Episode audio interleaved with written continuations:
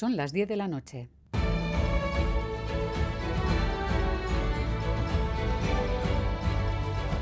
Radio Euskadi y Radio Vitoria. Servicios informativos. Repasamos los titulares de la jornada con Eder Menchaca, Gabón. Gabón Miriam, noticias de este jueves 26 de octubre en el que hemos conocido que 66 nuevas víctimas de violencia de motivación política en Euskadi podrían ser reconocidas. El informe de la Comisión de Valoración recoge 49 casos de víctimas de malos tratos o tortura en dependencias policiales. Siete casos son muertes a consecuencia de disparos de bala por parte de la Policía Nacional, Guardia Civil o grupos de extrema derecha. Uno de esos expedientes analizados es el de Joshi Zavala. La familia de José Anlas, al contrario, ha registrado la solicitud fuera de tiempo, la comisión reclama ahora una reapertura de plazos. El próximo lunes será cuando la comisión presente en el Parlamento ese informe. Posteriormente al Gobierno vasco le corresponderá tramitarlo. El Banco Central Europeo frena la subida de tipos de interés, mantiene el precio del dinero en el 4,5. El Consejo de Gobierno ha tomado la decisión de dar un respiro parando la subida tras su reunión en Atenas. Lo hace por primera vez en 15 meses, una medida del BCE que llega debido a la baja a la bajada de la inflación y la contracción de la economía. Y conocemos nuevas cifras de récord de beneficios de grandes bancos.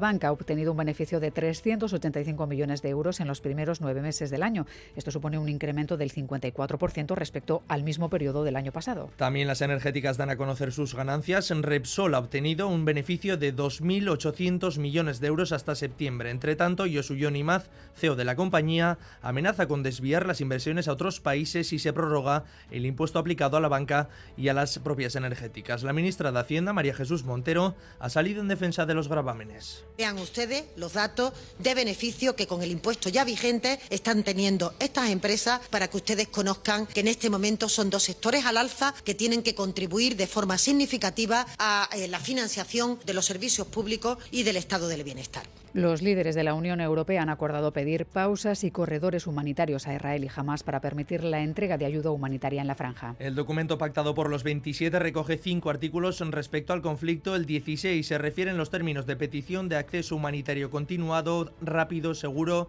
ayuda para llegar a aquellos que lo necesitan por todos los medios necesarios, incluyendo corredores humanitarios y pausas para necesidades humanitarias. Mientras tanto, en la franja de Gaza jamás ha dado a conocer que al menos 50 de los 200 rehenes han fallecido a consecuencia de los bombardeos israelíes, según informa el grupo terrorista. En una jornada en la que precisamente cinco familias españolas de secuestrados por Hamas se han reunido con representantes del gobierno de España. Entre esas familias han estado los allegados del vasco Iván Iyarramendi, quien fue tomado también como rehén el pasado 7 de octubre. Esta tarde el gobierno de Israel ha afirmado haber matado a uno de los líderes de Hamas, coautor del ataque perpetrado en territorio judío el pasado 7 de octubre. La situación continúa siendo crítica en la franja. El colapso en los hospitales por falta de combustible complica el trabajo de sanitarios y agencias. Escuchábamos en Gambará a Raquel Martí, la portavoz de UNRWA, la agencia de la ONU. Nosotros tenemos que decir que ahora mismo ni nuestro eh, personal internacional, ni nuestros trabajadores nacionales, ni los más de 600.000 eh, personas que se refugian en estas instalaciones, no podemos garantizar la vida de estas personas en estos momentos, ni su seguridad.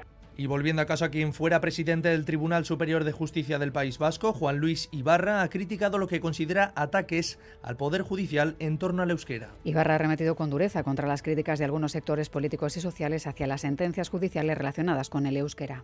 En esta respuesta a las decisiones judiciales resulta detectable el eco de otras intensas campañas de deslegitimación social del Poder Judicial promovidas entre 1996 y 2001 en el marco de la estrategia de socialización del sufrimiento. Campañas de deslegitimación lideradas por el MLNV.